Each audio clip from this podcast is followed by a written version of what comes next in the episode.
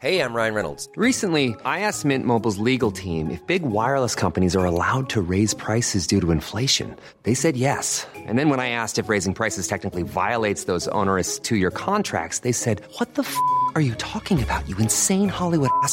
F- So to recap, we're cutting the price of Mint Unlimited from $30 a month to just $15 a month. Give it a try at mintmobile.com slash switch. $45 upfront for three months plus taxes and fees. Promo rate for new customers for limited time. Unlimited more than 40 gigabytes per month. Slows. Full terms at mintmobile.com. Hiring for your small business? If you're not looking for professionals on LinkedIn, you're looking in the wrong place. That's like looking for your car keys in a fish tank. LinkedIn helps you hire professionals you can't find anywhere else, even those who aren't actively searching for a new job but might be open to the perfect role. In a given month, over 70% of LinkedIn users don't even visit other leading job sites. So start looking in the right place. With LinkedIn, you can hire professionals like a professional. Post your free job on linkedin.com/people slash people today. Everyone knows therapy is great for solving problems, but getting therapy has its own problems too, like finding the right therapist, fitting into their schedule, and of course, the cost. Well, BetterHelp can solve those problems. It's totally online and built around your schedule. It's surprisingly affordable too. Connect with a credentialed therapist by phone, video, or online chat, all from the comfort of your home. Visit betterhelp.com to learn more and save 10% on your first month. That's BetterHelp H E L P. Podplay. Hi, everyone, and welcome to the podcast Jägaren uh, with me, Daniel da Silva. Today I'm going to speak English because my guest is from Denmark and my Danish uh, really suck, so, so it's better to do it in English. Uh, her name is Stefanie, and she's a bow hunter from Denmark. Uh, and I have so many questions about bow hunting uh, and and uh, so many other, other things because I know that Stefanie has been uh, in different countries hunting. Uh, she loves uh, buck hunting, uh, goose hunting. She's been in Africa, in the States, in Poland, and so on. So we have so much to talk about. But before we do that, uh, here's uh, some words from our main sponsor, Chevalier. Då sitter jag mitt emot Johanna eh, som bland annat är hållbarhetsansvarig här på Chevalier, eller hur? Ja, men precis. Eh, Och idag så ska vi prata om skötsel av kläder. Vad ska man tänka på för att kläderna ska hålla sig så fräscha och intakta som möjligt, så länge som möjligt? Inledningsvis skulle jag säga att tvätta så lite som möjligt. Tvätta bara plagg verkligen när det behövs. Är det någon liten fläck så tvätta bara bort just den fläcken. Och vädra plaggen. Det mår de jättebra av. Men, men ibland så är man ju superskitig. Eh, man kanske har passat ett djur och, eller bara liksom krypit i lera sådär. Då räcker det inte bara liksom skrapa lite grann. Nej, verkligen inte. Eh, och då är det jättebra om man tar bort så mycket som möjligt av den lösa lorten innan man stoppar in det i tvättmaskinen. För att det följer med in i tvättmaskinen, det gynnar inte plagget. Nej. Eller tvättmaskinen. Nej, precis. Nej.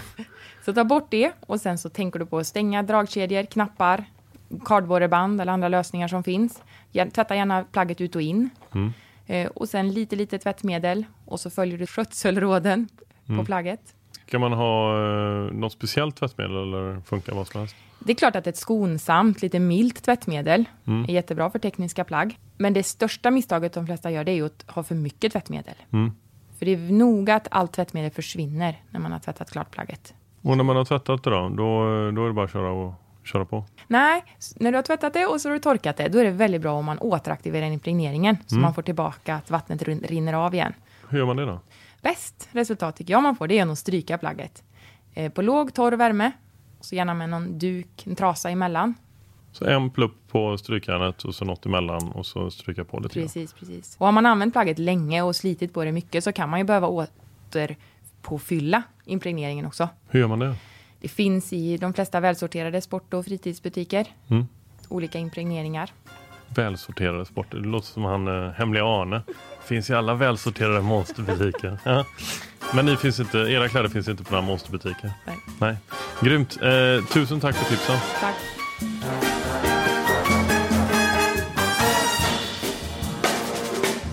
Uh, hi, Stephanie. How are you? Hi, I'm fine, thank you. Welcome you? to the podcast. thank you, thank you for having me here. And you're from Denmark. Yeah, Uh, so, and we'll do this in English because uh, I, I actually don't understand Danish so Okay. much. How, how's your Swedish? uh, not not really good. No, uh, I understand some words or most words, but yeah, I'm not good at it either. Okay. sorry. Yeah, but but English is uh, hopefully fine for the listeners, and uh, uh, hopefully we have uh, some uh, Danish uh, people listening. Yeah, I hope so. Yeah, I really hope so. that would be cool. yeah. Uh, so this podcast is all about me interviewing different hunters uh, about their passion to uh, hunting, uh, and uh, I've, I'm, I'm a hunter myself, uh, and I've been asking me the question for a couple of years uh, why I hunt, and I've spoken to a lot of persons about that, uh, why they hunt. Uh, so that's the main reason with this podcast, but but also to to gain knowledge. Uh, everybody has different perspective to their uh, hunting passion, uh, so I think it's interesting to talk to a lot of people with different passions and Yeah. different perspectives.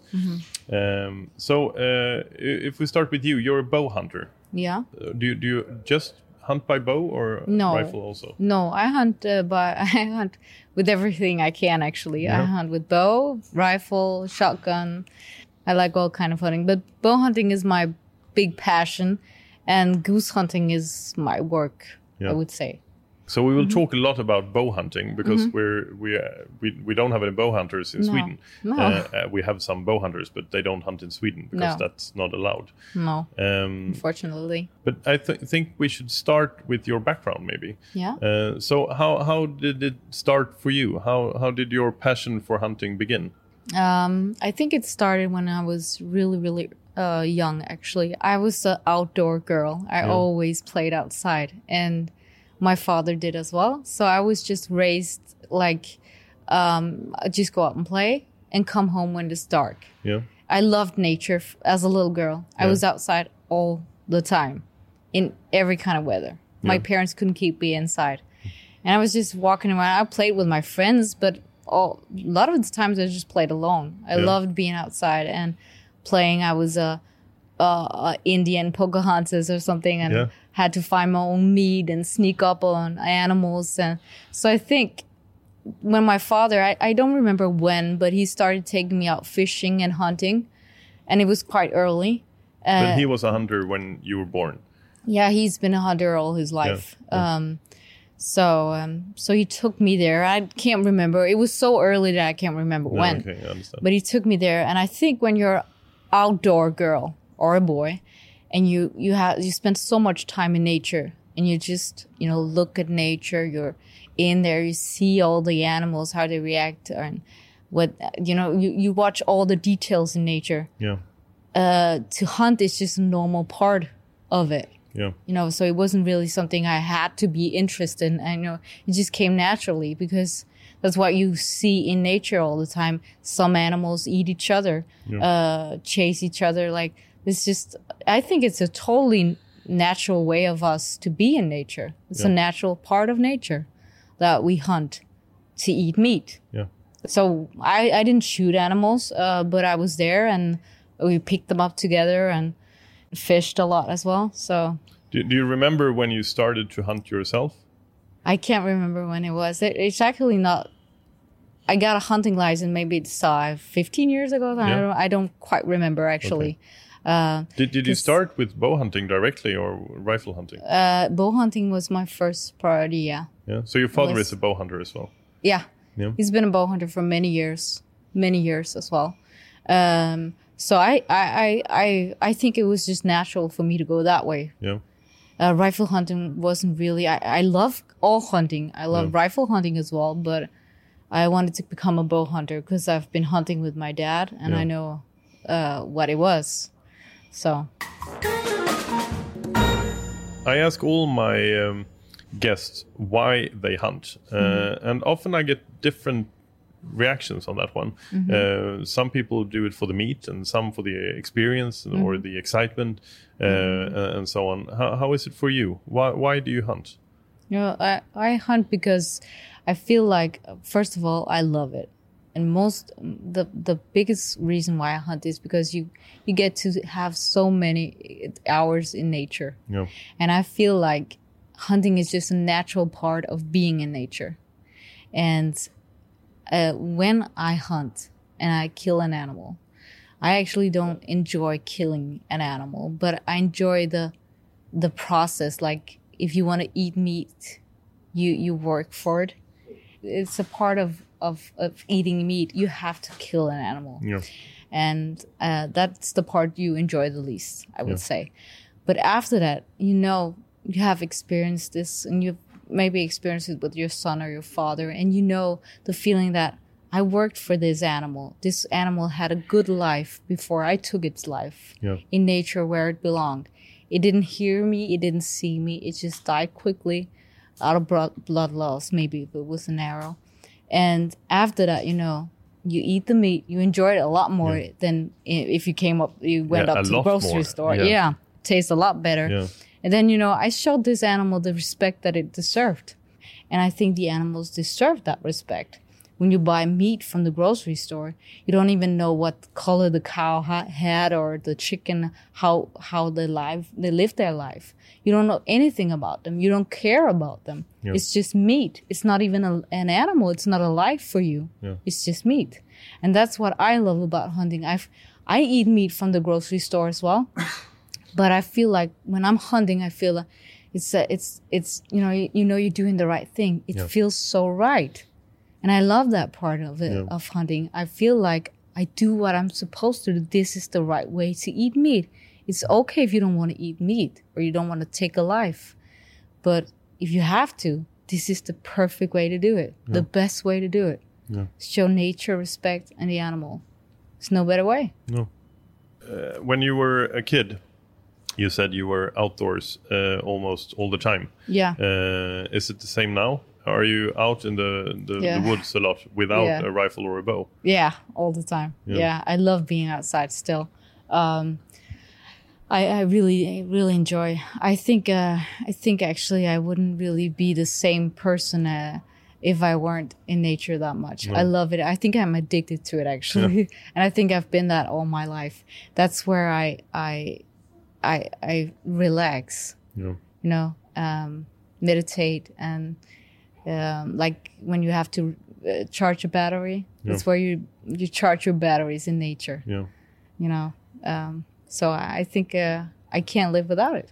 It's so cool when you are stressed and you have a lot of things to do and so on, and then you go out in the. Yeah. the forest. Maybe you hunt, or maybe you're just out with your your family or friends, and the energy that you get from being outdoors Mm-hmm. Yeah. is amazing. Yeah, one thing I, I've uh, one feeling I have also when I walk in nature, and I've had that all my life, is like you feel like when you walk into nature, especially when you're alone, you feel like you walk into a different world, and this world is so pure and so clean and so uh, simple.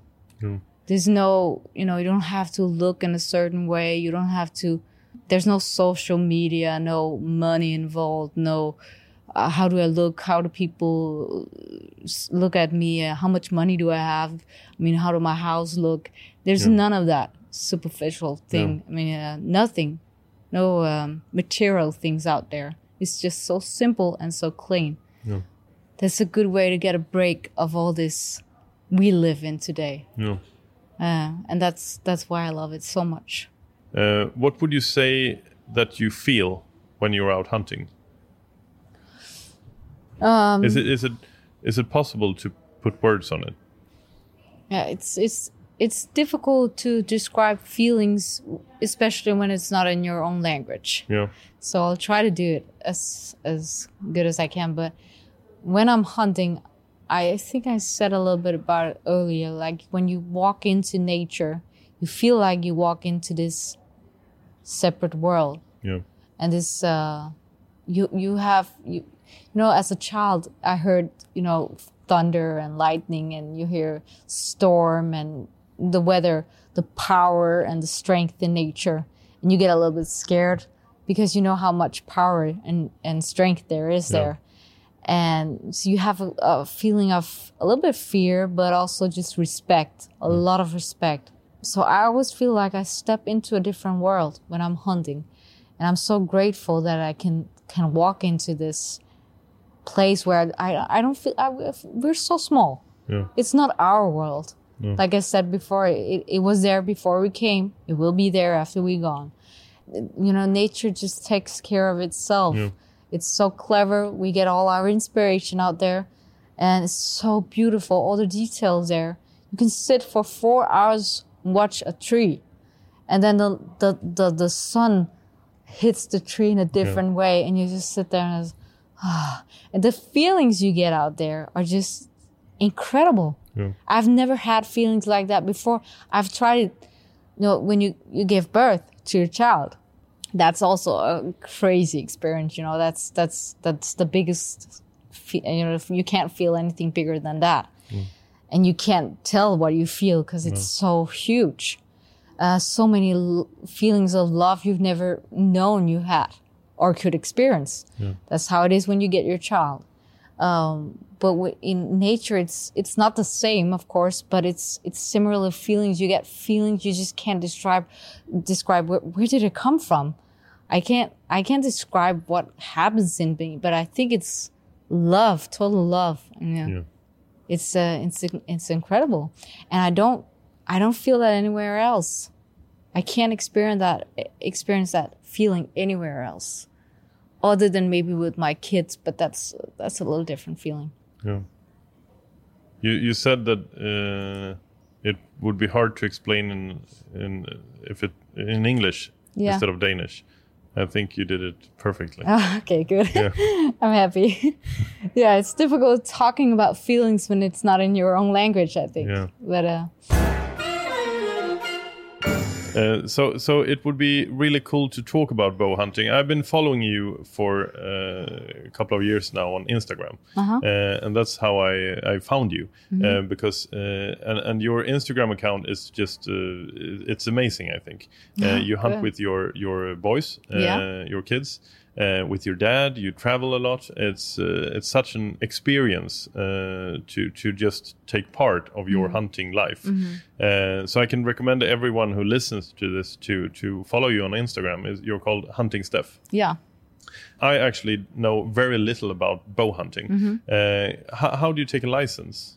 You you have to take a course. Like uh, you can actually start as a bow hunter. You don't have to be a rifle hunter or shoot with a shotgun before. Yeah. You take a course, and it's actually it's not that difficult. But you have to you have to. I think it's twenty questions.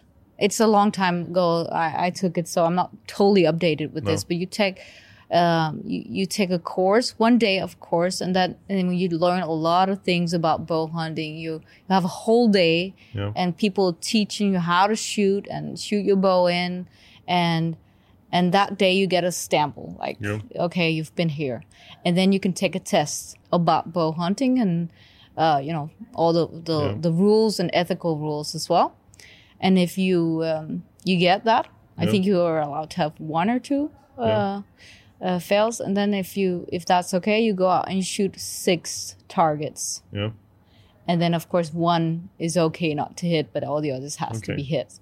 And then you have to every fifth year yeah, go up again and shoot at those same six targets. And if you can shoot then you can keep your Yeah. license. But you have to do that. Is it the same with rifle hunters in Denmark No. that you have to do No. it again? no, it should be Yeah, that Should would be. be. quite good. Yeah. actually, I think. That's good because you you come up and you you know people they practice all the time because they want their license again. Yeah. And if they don't want it, then okay, you can't shoot. You just no, you're not allowed to shoot with it anymore. Yeah. And it should be the same for everybody. So, actually. what would you say is the biggest difference hunting with bow uh, if you compare it to a rifle? Oh, there's a, there's a huge difference, Yeah. I think. Um, you can, as a rifle hunter, of course, come really close to an animal, and that can be really exciting as well. But for a bow hunter, you have to get in there. You have to get close every time.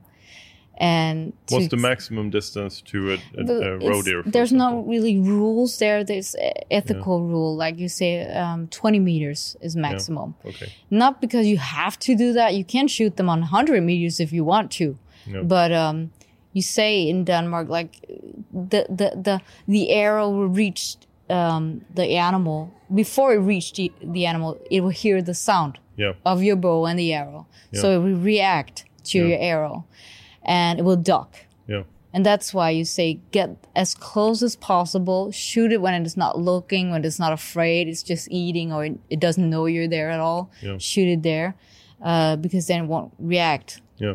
Uh, so there's a lot of uh, technique in it actually. Yeah. And the cool thing about bow hunting, I think, is that you get them so close. Yeah. You get those close, close experience, close encounters every time.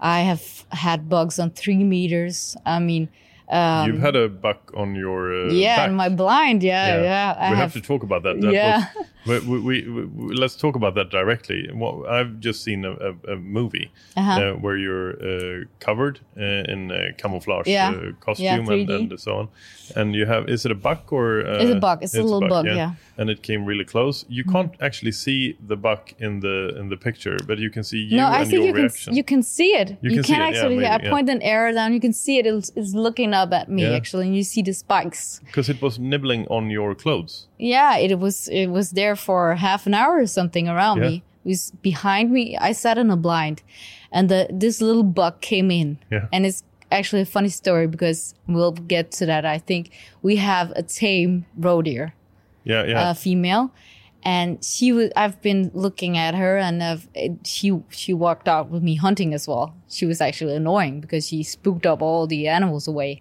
but um, she was playing with this particularly buck yeah. and um, this this buck I saw, saw him with our Bambi many times, Yeah. and so he came in, and I I could have shot him, but I had like this this feeling of nah, I don't want to. I I have meat, and I'll just look at him, Yeah. just watch him, and I'm I'm I'm glad I didn't shoot him because he walked out. He was at 18 meters, and he walked behind me, and I thought he was gone, and all of a sudden I hear something behind me Yeah. And he was scratching on my uh, microphone on my camera. Yeah.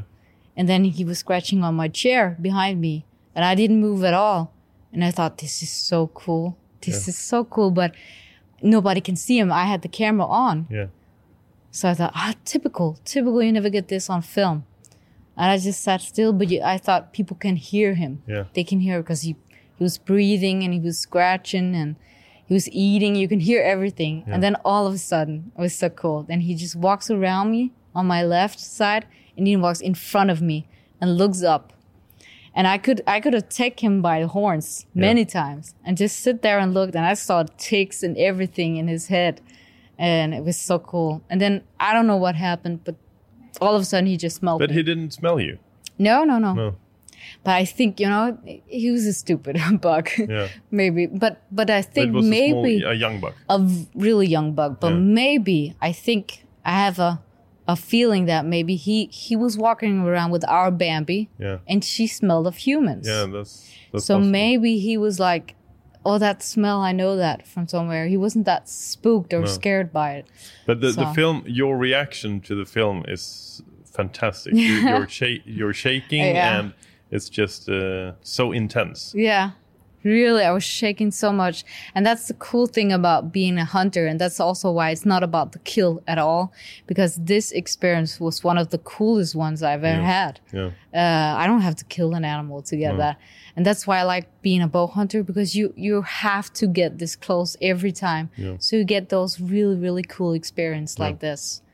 when you hunt with a rifle, do you also get closer to the animals? You think than you actually have to because you're used to it as a bow hunter. Yeah, yeah, I would do that and I would stalk them more. Yeah, but you know i don't shoot that much with the rifle but i like shooting with rifle actually. I like it. And i like the the it's the same it's a little bit the same with the bow. You have to be totally calm. Yeah, and the trigger has to go out without you knowing it. And all those things your heartbeat your you have to be calm totally calm it's the same with the rifle it's Yeah. actually not that easy shooting with the rifle either no, no, no, it's not. so it's not like uh, it's easy shooting animals with the rifle it's not What or what animals are you allowed to hunt with a bow?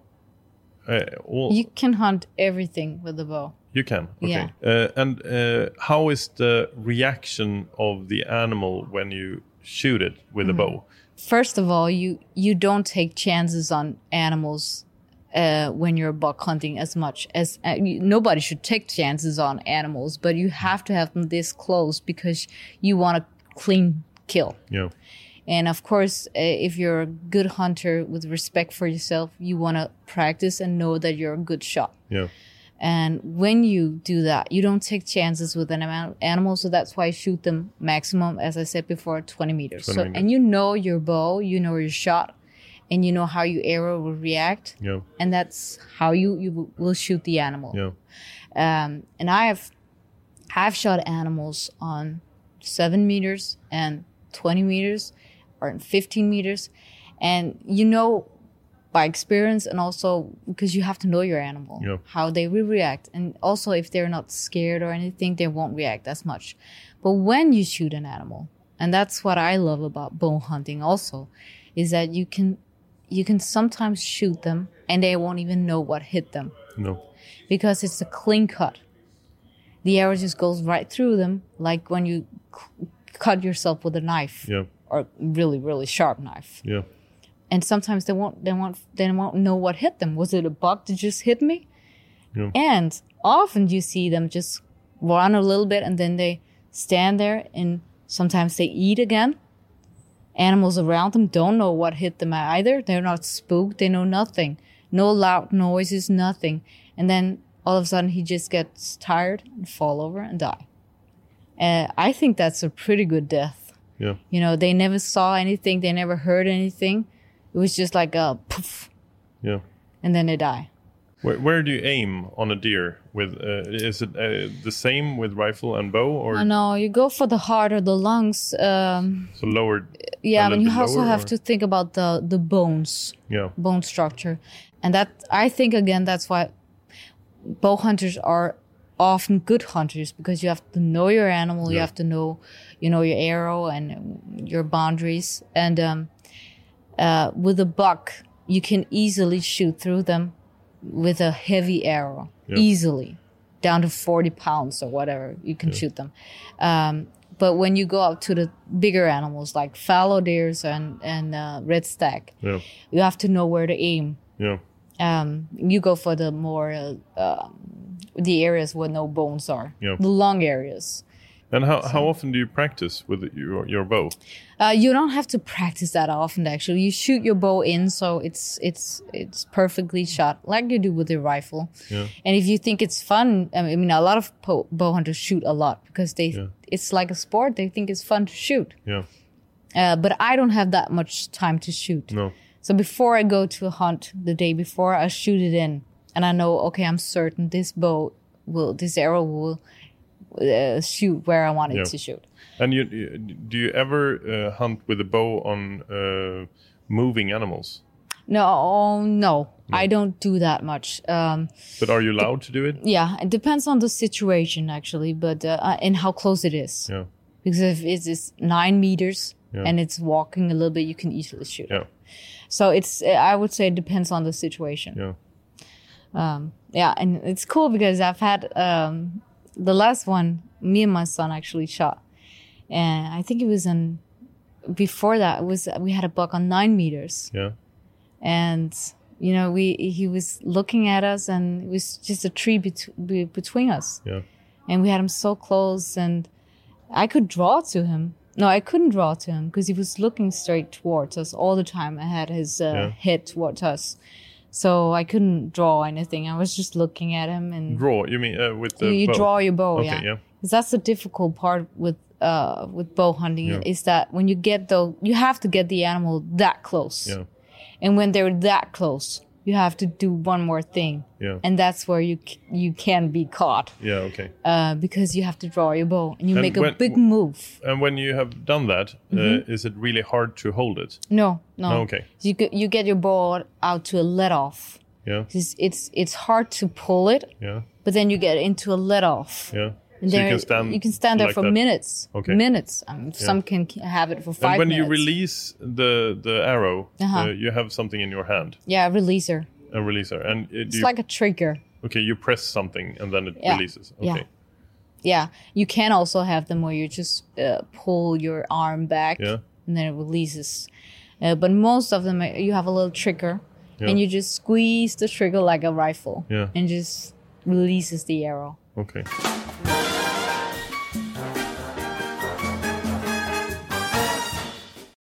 Välkommen till Scandinavian Safe. Du talar med Evelina. Hej Evelina, det var Daniel da Silva här. Men hej! Hej!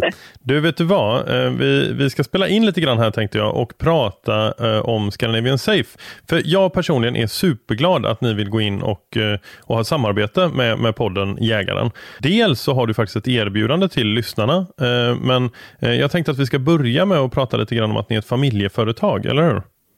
Ja, men exakt. Vi är ju ett familjeföretag som drivs av mig och mina tre syskon. Och vi har tagit över Scandinavian Safe från vår pappa som startade bolaget.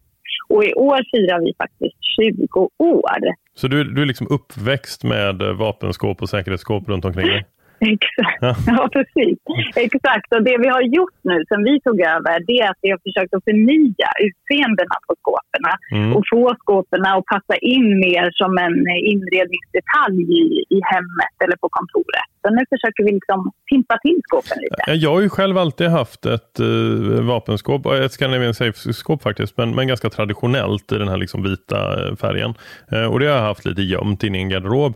Men nu har jag faktiskt köpt ett nytt skåp eh, som är SP88 Raw Steel som är supersnyggt tycker jag.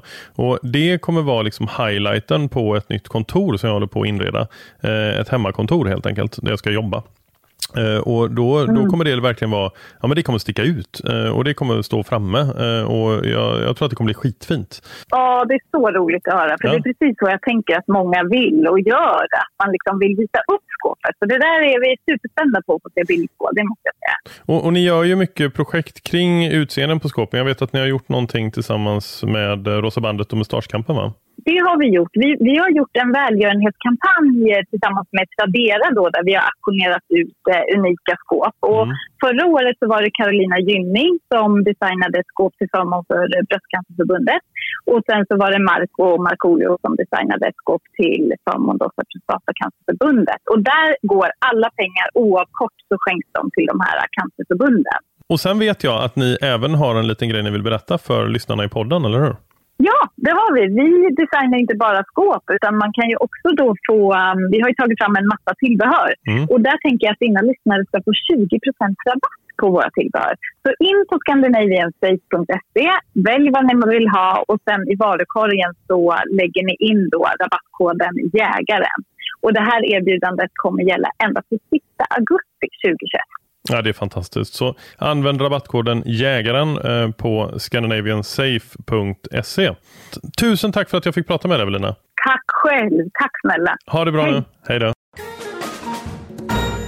You uh, hunt a lot with your uh, boys. Yeah. Uh, how, how old are they? They're 12 and 10. Yeah.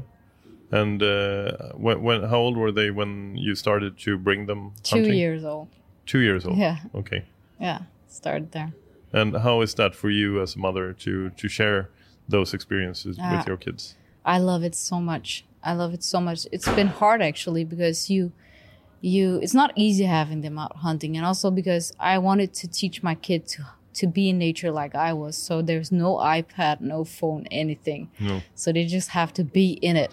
And of course you you get that a lot when "Oh, I'm bored, mom. Yeah. And and a lot of the times they spooked animals away. But you just have to see like a, a progress Yeah.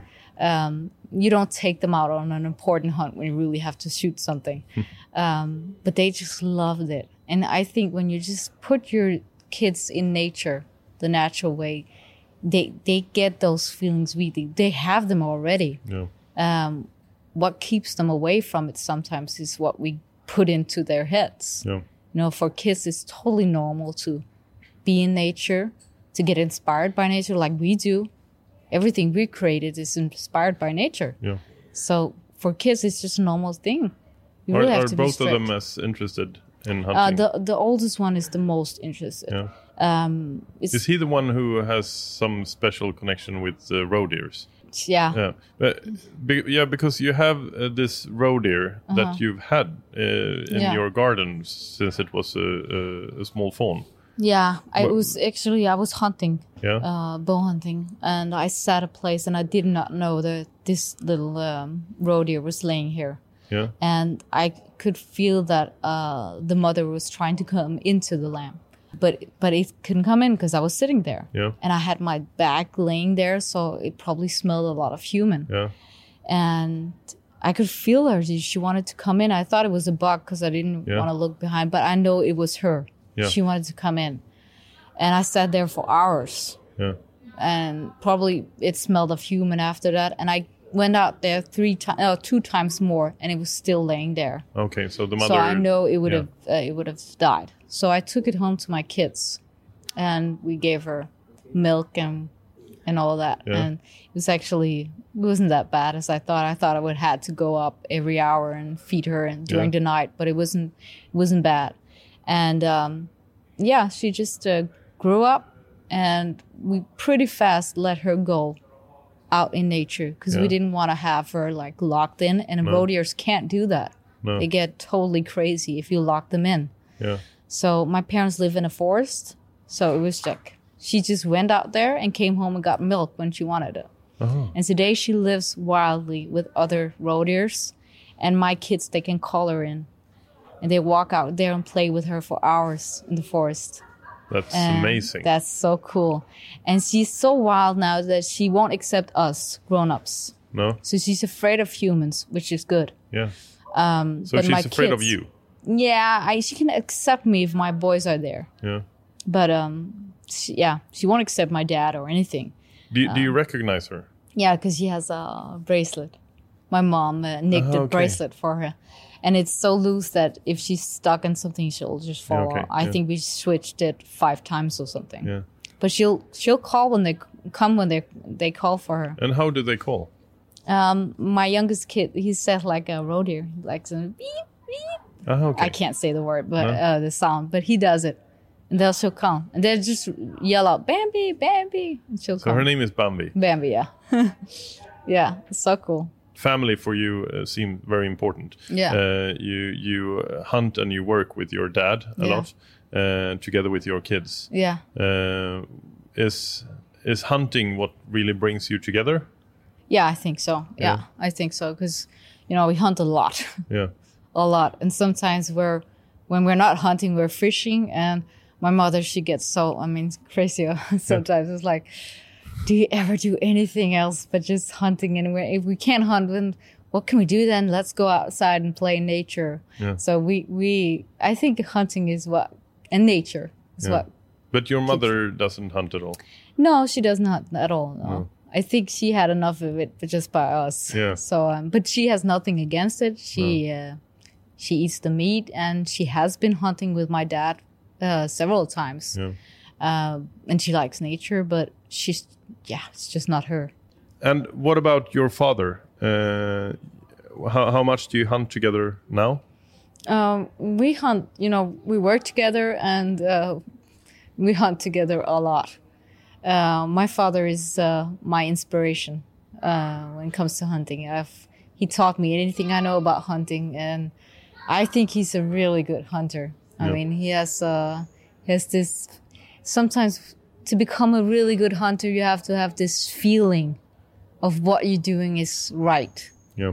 it's a special feeling. Also, if you have to change something or how to sneak up on an animal or to place the arrow right or the rifle shot or whatever. Um, he's just a real skilled hunter, and he uh, he's really good. I mean, uh, I really look up to him, and he taught me not only to become a good hunter, but he also taught me the the love for animals Yeah. and the respect for nature. Um, also, my mom, both of them, but um, it's it's definitely it's it's a special feeling to hunt with your dad and then share it with your kids. It's it's a real special feeling, and I love it. Uh, In in what ways do you get inspired by your dad? Would you say? the the cool thing about him is today that I, I see in him a lot is that he can sit and hunt, and he he comes home and tell me, yeah, I had an animal, and yeah, I could have shot it, but you know, I didn't want to. Hmm. I just didn't want to kill it. I just looked at it and yeah, I just thought it was so pretty and just the feeling that I could have killed it is enough for me. Yeah. Yeah, I don't need to kill. And I I I I I, I really have respect for that. Do you feel that way also sometimes? Yeah, yeah, I really do. I, I Me too. actually I was after a fallow buck and I really wanted to shoot it and I had to go up early in the morning And I woke up and my kids were laying there sleeping and I thought about the fallow. I knew it because I, I had it in my head. I knew exactly how it looked because I had it on trail cams and I've seen it many times, but I couldn't shoot it. And I had, I got a special feeling in my body. I had a feeling like, no, I can't kill it today. Not today. I don't want to kill it today. No. And then I laid down to sleep again. I didn't want to kill it. I thought you would say that I killed it anyway. No. that No. would be such a bad ending on that No. story. No, I didn't. I actually really had that feeling though. I can't kill it today. I don't No. want to. You know, you had that mission in your head, like, no, I don't want to kill it. I don't want to. You get, especially when it's your own hunting area and you watch the animals and you get them close. Also, when it's not hunting season, then you get a special feeling. Uh, you you you you you can easily kill them, but sometimes you just, I don't want to kill No. and that's uh that's cool it's it shows a little bit what it's about to be a hunter Yeah. you can kill when you have to and you have to get meat but sometimes you just watch them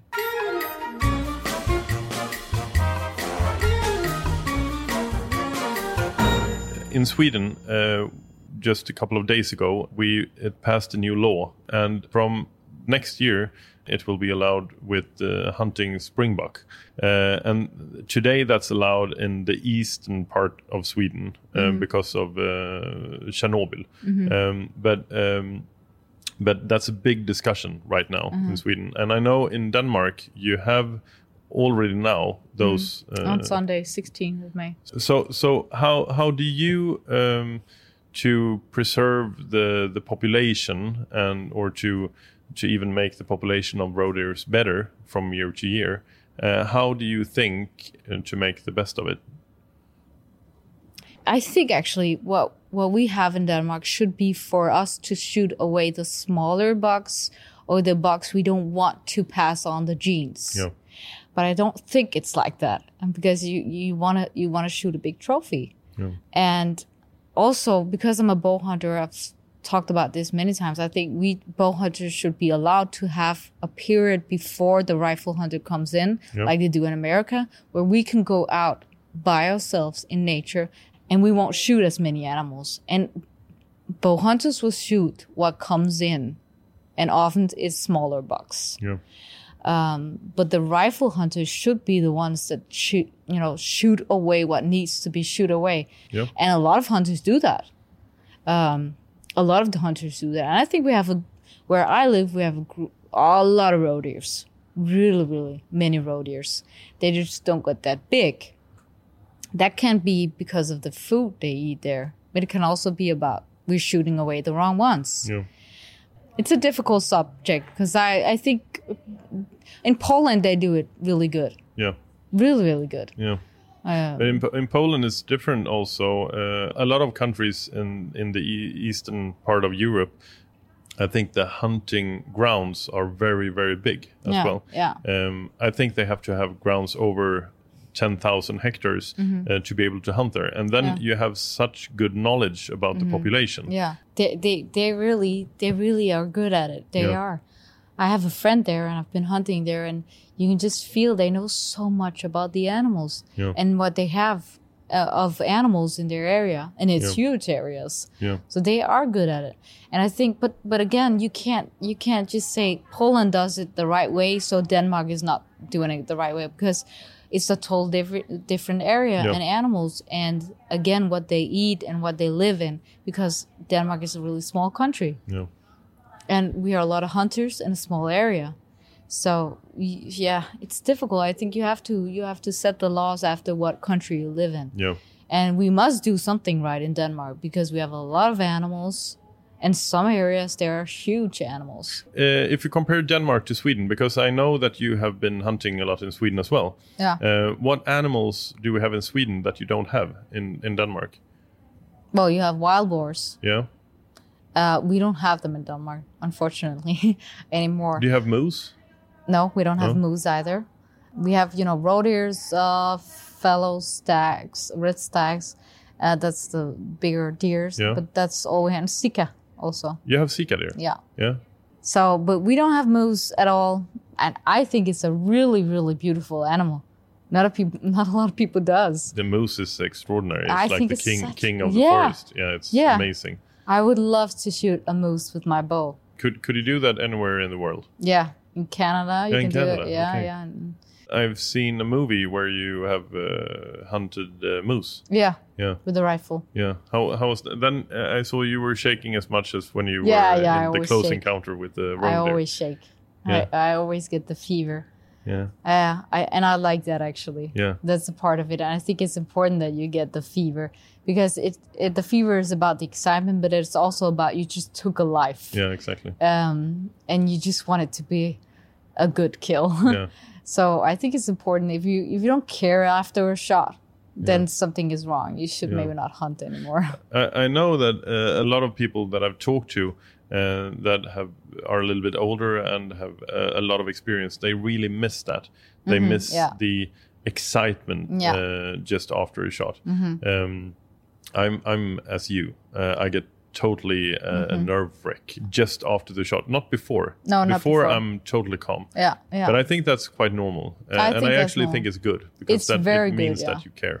Yeah, and if you have it before, you maybe shouldn't shoot. But if you have a little more experience, it will come after. Because the cool thing is, when you're hunting, especially with bow, where you have those close encounters with animals, I think what I do, I don't know if everybody experienced that, but my father said also he thinks it's cool to watch me because I, I become this predator. Yeah, Um, and when you see an animal and you know, okay, now it's now, Yeah. then something gets switched on yeah, and I become this totally predator. And I just, you don't think a thought.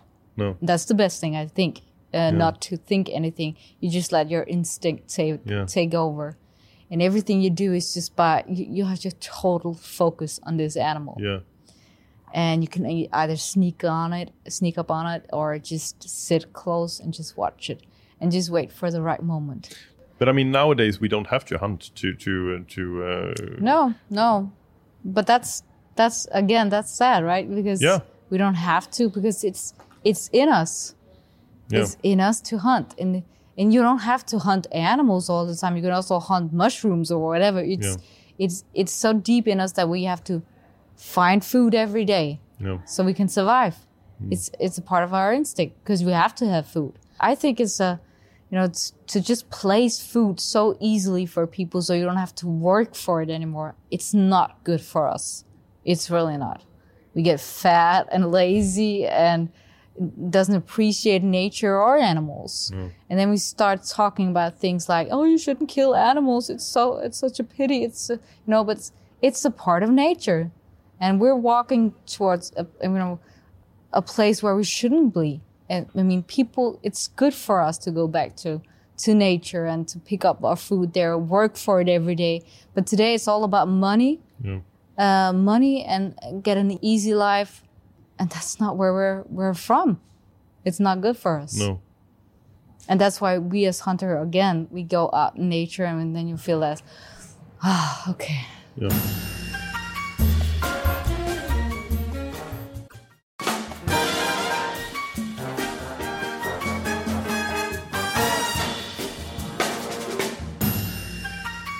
I know that you have been uh, in Africa Yeah. uh, hunting as well, and then you were in South Africa. Mm-hmm.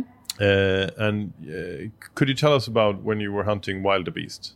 Yeah, that was really cool. I, I mean, it was uh, from uh, uh, a little small house actually. We shot it, Yeah. but and you would think because me and Jonas both thought, "Ugh, that's easy." Yeah. No, it's you just sit in there and you come and then you shoot them. Yeah. And we didn't really want that kind of hunting. We were we would want to stalk the Yeah, animals exactly. in the mountains because we thought that's real hunt. This is nothing. But we sat in a little house and um, you could open the window a little bit and then shoot out of the window. That's not easy with a bow either. But uh, we sat there. I think we sat there for six hours one of the days, and it was sixty degrees in there. And we sat, me and two other. Uh, Jonas wasn't there all the, when I shot it, but me and Dias and the guys sat in there. And when you go in there, you're not allowed to pee or anything outside. Mm-hmm. You can't walk outside, so you sit there. And you sit for hours and hours, and the heat was a struggle. Yeah. So that was a part of the hunt. You had to, you know, oh, I can't, can't, I can't, I can't handle this anymore. It's so hot, it's so Yeah. hot. And then when animals come in, you have to, you know, you have to perform, Yeah. but you're totally weak because you've been sweating for hours and hours. And we sat there the day after day and after day, and the animals just didn't want to come in No. because even though we were in a house, they knew we were there Yeah. because they were so so skittish because they they're used to predators. Yeah. So they are alert all the time and they could smell us. Yeah. And the wind was bad and the wind kept on switching. So we saw them out there, we could see them, but they just didn't want to come in. No.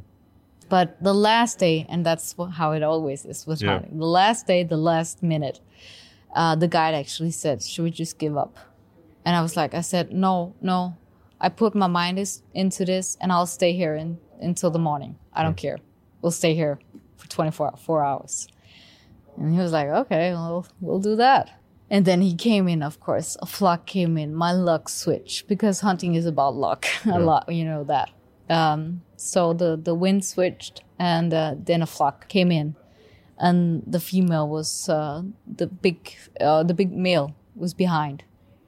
And I had one chance to kill him. And he said, just aim for the heart, you know, go up the lake and you have this spot. I mean, it's a really small spot you have to hit in the heart. And they're used to, to predators.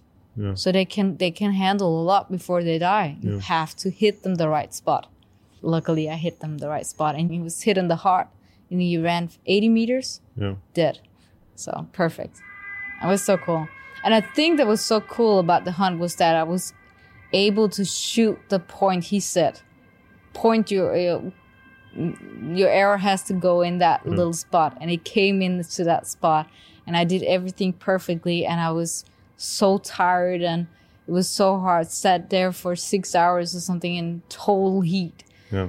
and almost gave up, but didn't want to give up No. and I was so happy I didn't give up. So Yeah. that was a that was what was cool by the hunt Yeah. that you you were able to kill such a big animal that was so skittish and so alert, and he died so quickly. Yeah.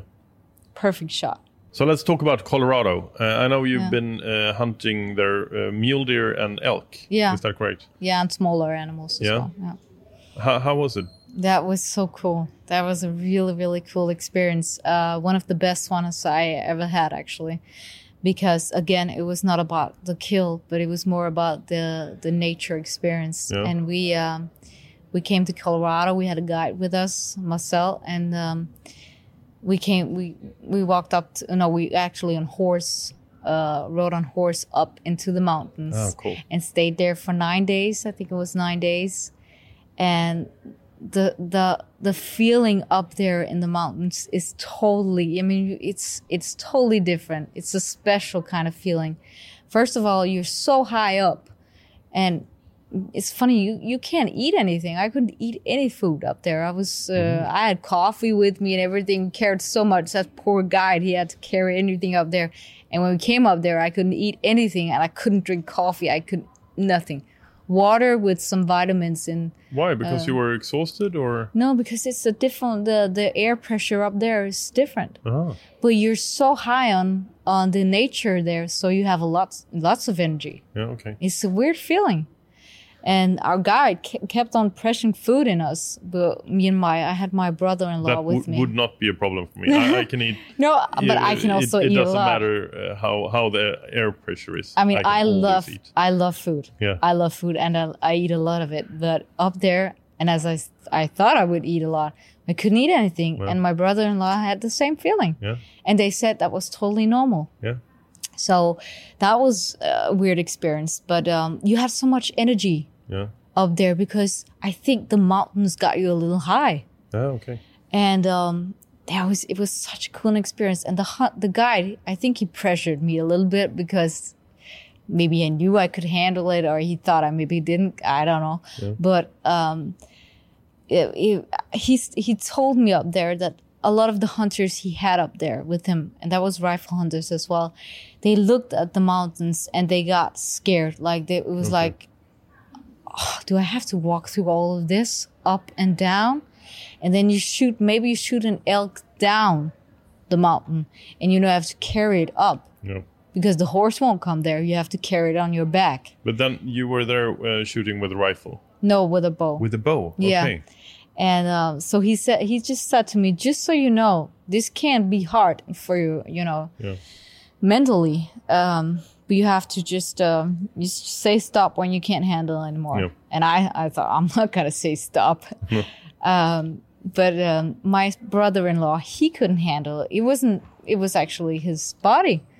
He was, um, I think he was coughing up blood one day, and the guys say you have to just relax now because his lungs couldn't handle the the air pressure. So he stayed in the camp up on the mountain for yeah many days, and we went hunting. Me and the guide alone, and uh, So his is- experience of Colorado is not as good as yours. no, but he, he enjoyed the time a lot Yeah. because he was around. You know, but but when we really wanted, you know, we, we hunted all the time. Yeah. But uh, anyway, we had to hunt, and my guide was uh, from New Zealand, so he just ran over the mountains like it was nothing. And I came after him with my bow in my hand, and I was so. I mean, I I knew I would never I would never say stop. Um, I would continue showing what I could, and I he told me about the hunters that gave up Yeah. when they saw the elk because they knew they had to carry it up, and I said to myself, no matter what, I'm not going to say that No. no matter what.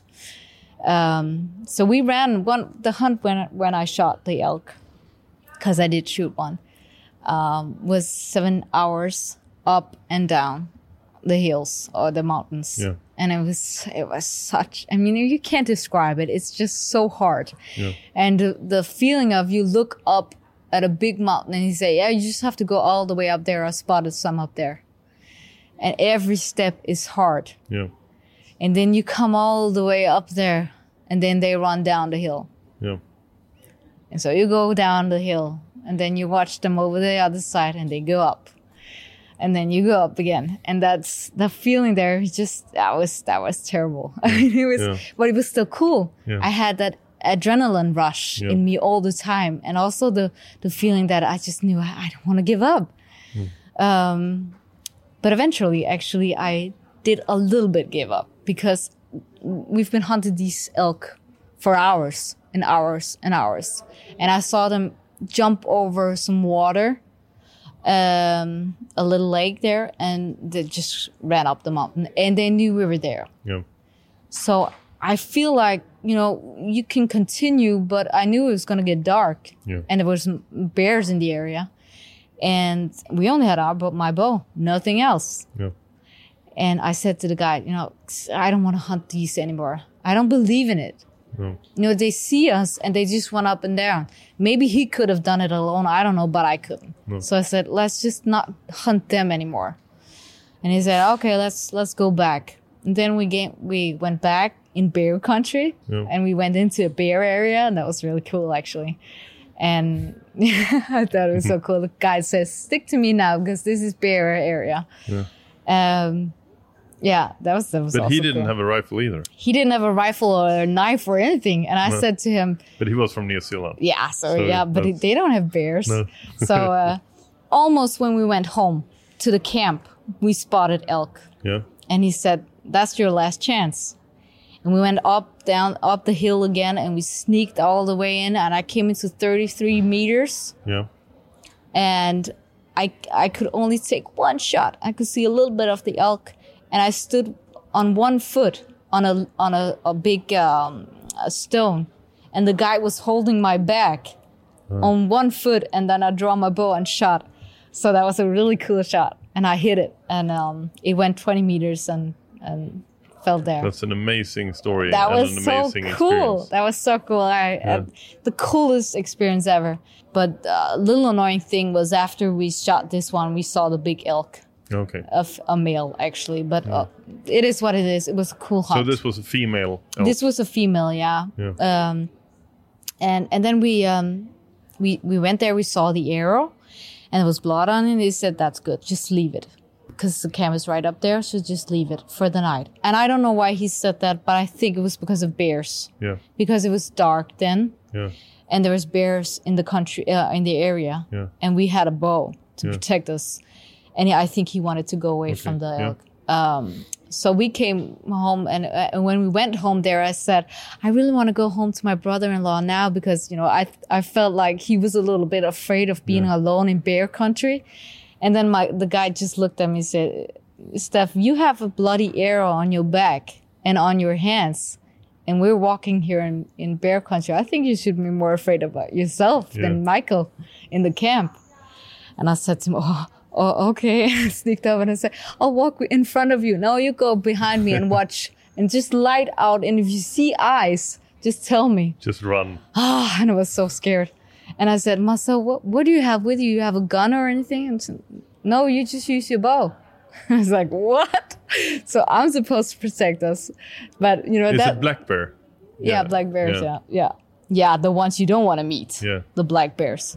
Um, yeah. So that, there was all of that, all the feelings there, the fear, the excitement, the adre- adrenaline, and you're totally exhausted. And it's so physically hard Yeah. doing that. So um, that was the coolest hunt I've ever been on, and I I can't wait to get back there.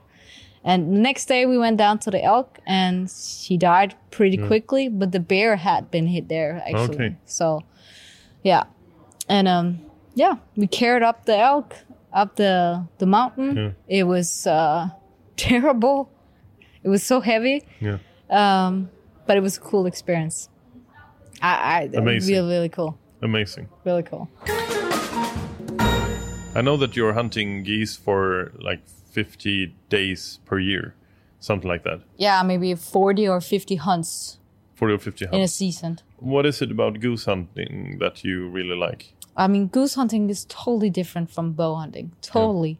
But it's a lot about knowledge and a lot goose uh, bow hunting as well. But this is so much about knowledge and knowing what to do and do it exactly at the the, the right time. Yeah. And it's teamwork, totally teamwork, but it's under total stress. Yeah. it's you know the geese comes in in the morning and you have about an hour or something where it's just they just come in Yeah. and you have to be totally ready and the decoys has to be the right spot or or you just end up have to move everything Yeah. but in the spot when they come in that and how, hour how many decoys do you? Uh, the decoys for the Swedish listeners is bulvaner. Bulvaner. Uh, how how, uh, how many do you normally use? Uh, it depends on the area and if it's a hot spot or whatever. So you can't really say that. It also depends on what species you hunt. Okay. Because for gray legs, you don't have to have those that many uh, bulvanas out there. Yeah. Uh, it's more about how good they look, how lifelike they look, and how good you camouflaged and and totally disappeared from the Yeah. ground. Because they are the smartest goose to hunt. Yeah. Um, what I love about goose hunting is that it's every detail counts. Yeah. and and we have had hunters with us 80 years old that has shot every animal you possibly can shoot in africa many many times. And they come there and they have never shot a goose. Never. Because it's not easy to shoot a goose. Um, and after a hunt we take them on a good we take them on a hot spot Yeah. they maybe shoot 100 geese or something. And after that, they say, Man, this has been the best hunt I've ever been on. Yeah. And I should have done this many years ago. Because the feeling that you get when, when the geese instinctively, so careful geese comes in to your flock formation and you can see they're just locked. They, they don't know you're there and they have a flight line straight in towards you and you shoot them on 10 meters that's just i mean the the feeling you have to try it you Yeah. get totally addicted to it Yeah. yeah it's so cool it's How, really how cool. is it? Uh, do you eat them? um we we grind them Yeah. a lot Do you have Burgers out goose burgers? yeah yeah yeah Yeah. yeah, and lasagna and everything i Yeah. mean we eat them a lot so i don't want to make a, a whole goose every time so it's just easy easy everyday meat Yeah. uh, and we have uh, butchers also that take a lot of our because we shoot a lot of them Yeah. um, when people get a little bit you know when they see our big parades they're like oh you shoot so many geese. But you have to understand the the population of them is just increasing all the time. Yeah. and even though we shoot a lot it just keeps on going upwards so it's it's uh, you have to shoot geese and you have to shoot geese the right way. Um, that's that's how our company actually was created because in uh, Norway, Netherlands, and Denmark, I think it's 15 years ago or 13 years ago, they they captured a lot of geese Yeah. and they um, they saw they had so much lead in their body. Yeah. Uh, I think it was thirty six percent of them, all of them had something in their body From uh, from shooting. from shooting. Okay. Hunters that shot at them too Yeah. far up Yeah. because you can't. A goose is not easy to get down No. to your formation. If you have hot spots, they will go down no matter what. Yeah. But a lot of people don't have hot spots, or a lot of fields. Maybe they have the geese land on their field, but the next day they land on the neighbors. Yeah. And how do you get them in? You shoot them when they fl- fly over, Yeah. and that's on sixty meters maybe. Yeah. So at that time, Denmark said, and Netherlands shot the goose the hunting down straight away. And uh, Denmark said, well, you have two years to change it. Two years. And that's where they contacted my dad and my uncle and said, we are, you know, we're, you're goose nerds and we, we've seen you hunt geese and from American, American style. And, you know, um, would you be, would you be willing to teach people about your methods? And they did and in, in about two years the the numbers came down to 12% so they started this holding lectures and showing people making youtube films they've been hunting geese for many years Yeah. um, and they got them down to 5 10 meters and shoot them there in their formation they called them in and Yeah. had the good decoys and after that our company of course just exploded Uh, and your company is called DKY. dky yeah dky yeah DKY. yeah, Uh, it's actually um, it's it stands for DK as Denmark, Yeah. waterfowl archery import, because they were waterfowl hunters Yeah. and archery bow hunting. ah. So they were one of the first, you know, to to hunt Okay. uh, bow. And what do you do? You, you, I know that you specialize on goose hunting with Yeah. uh, uh, calls and uh, decoys and so on. yeah, we we make equipment for goose hunting. Yeah. and um, but the the goose hunting change all the time because the geese changes and the weather change and geese are so smart birds so when you've been hunting them and as sweden is still in the progress i mean uh, you don't i don't think it's a goose hunting country sweden as much as denmark actually is now um, but when you've been hunting geese a lot uh, with the methods that we do. Actually, uh, for an example, we hunt them as swans. The goose will find out over time because it can Sorry, what do you mean? You hunt them as swans? swans. Yeah, we, we after November when the swans come to Denmark, this uh, we cover ourselves and use decoy swans and cover us as swans. So you dress up like a swan. Yeah, yeah, we Yeah. lay in uh, blinds Yeah. that looks like swans, and then uh, you call them in, and they see the swans from a little far out Yeah. because they know the the white spots on the fields are swans, Yeah. and that tells the goose there's food Yeah. and there's no predators or anything. Yeah. Here is safe. So they come directly to you swans and go down. But when you've hunted like this for years, and a goose can become 25 years old, Yeah. one of them or m- many of them will think not because they think but they have their instinct telling them the swans hurt so we have to we have to be a little bit careful about the swans so they now we've experienced they they don't go directly into the swans they do still do in sweden What about the real swans? They have to think like, where are all the goose? yeah but the thing we see now is they they they they fly Yeah. and they land 100 meters from them Okay. and then when they feel safe they slowly walk towards them Yeah. Okay. So they're smart birds. Yeah. They're not easy to hunt, and that's what I love so much about goose hunting is you have to change your methods Yeah. all the time. In, in Sweden, we, we mainly focus on on uh, gray goose and uh, Canadian goose. Yeah. How how is it in, in Denmark? What what different geese do you hunt? Uh, we have uh, the speckled belly, Lis goose. I I don't think you have. Uh, You can't see me, but I, I look like a question mark. But that's a really really beautiful Well- small goose. is it the one with white cheeks? Uh no, No? that's the barnacle goose. Barnacle. Okay. Mm-hmm. The small ones that they they bark like a dog. And we have that in Sweden. We we hunt that, but it's a very short period of time. Yeah. But uh, except for for uh, skyddsjakt. Yeah, yeah, Um, yeah. yeah. Yeah, and we have the speckled belly goose, really, really beautiful goose, a small one, and we don't have that many of them. Sädgås kanske? No, maybe. no, no, No. that I want to No. still goose. No, uh, we we're not allowed to shoot that, but we we can shoot speckled bellies, gray leg, and barnacle goose, uh, Canadian geese, and pink-footed geese. okay. And in uh, Jutland, they have a lot of pink-footed geese. Um, and for all the listeners, if you want to understand this in Swedish, then you have to translate yourself because I don't understand. No. So, but, but No. uh, the ones who's interested, they will they will find out. And we have a lot of different species. Yeah. Anyway, so yeah. Which one is the easiest to hunt? Is it Canadian goose? Yeah, Canadian goose, but you have it easier here in, the, in Sweden because they come here first, Okay. and you shoot at the ones that are still, you know, not that clever. No. um, but we get them down, and they're shot at a lot, and we don't have the winters like you do, so it's actually it's it started to get more difficult in Denmark to shoot a Canadian goose. First of all, we don't see them that much, and when they come, they sh- they're shot at Yeah. they have been shot at, or they're not family members. You don't say that, but their flocks, some of their flocks is, is dead. So uh, they get more careful when they come down to us. That's what we experience now. Uh, back in the time days, they were easy. Yeah. I mean, really easy. Some people call it the stupid goose. It's not a stupid goose at all. It's a beautiful animal and it is clever, but it's not as clever as the gray like for an example Okay.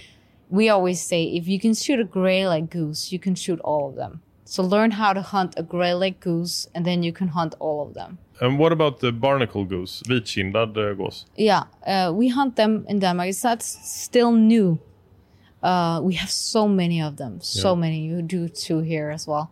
Um, and they're just increasing all the time, increasing. So, um, but we found out that we shot them in the beginning, and we found out we shot for. I mean, for some that's a lot. We shot 20, 30 a time, and um, but we really didn't really have luck with them. They were difficult to hunt.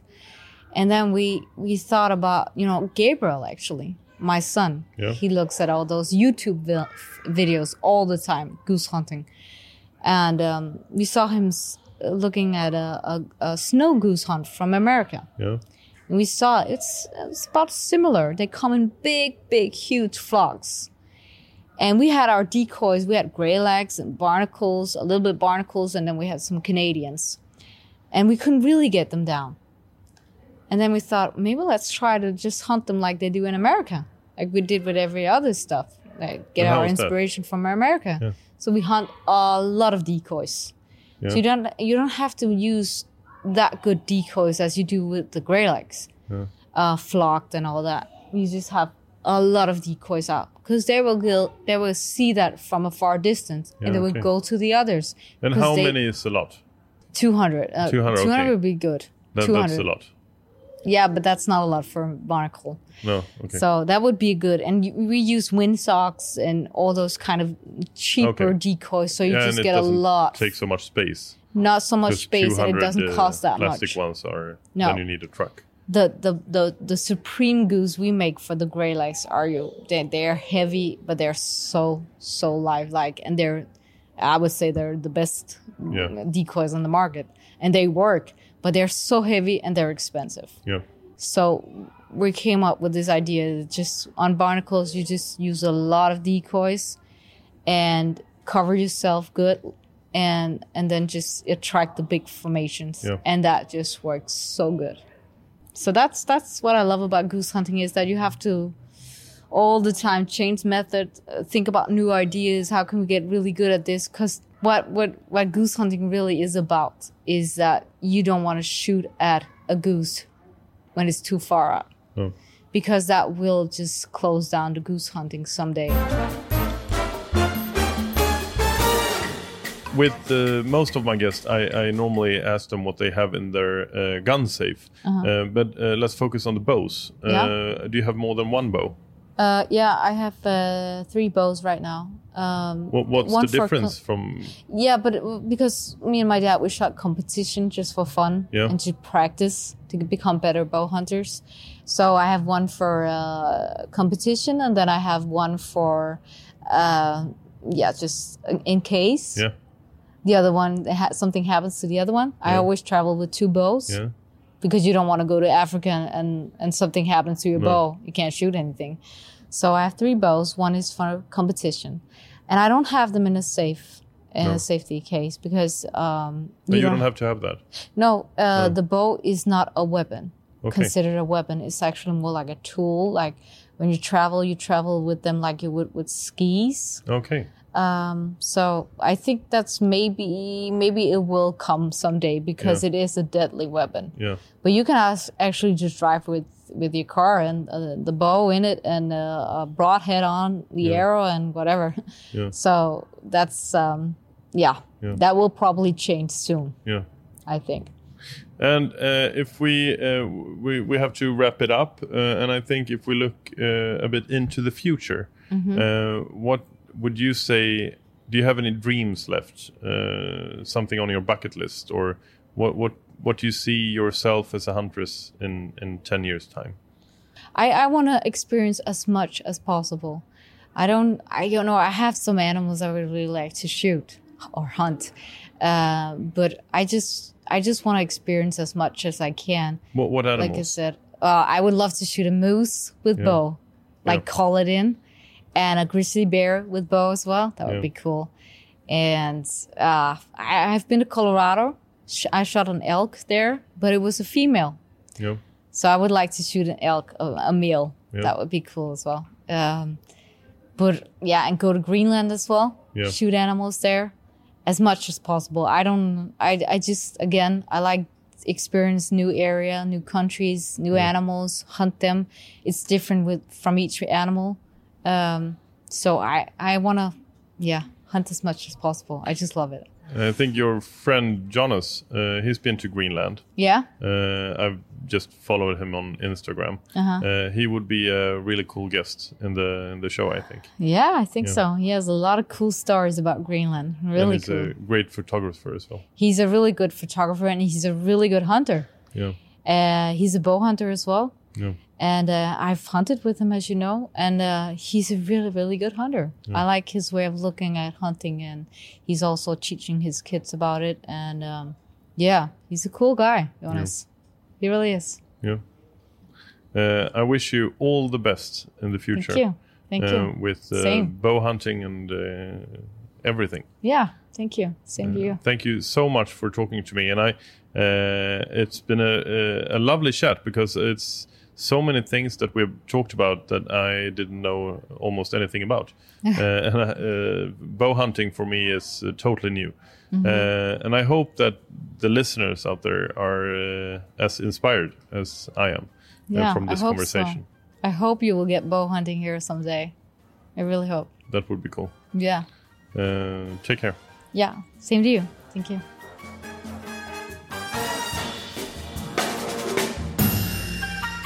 Och stort tack till alla er som har lyssnat såklart. Nästa vecka, då är vi tillbaka på torsdag, precis som vanligt, med en alldeles ny, rykande, häftig och härlig gäst.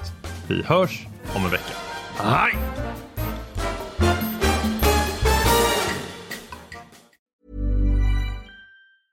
Even when we're on a budget, we still deserve nice things. Quince is a place to scoop up stunning high-end goods for 50 to 80% less than similar brands.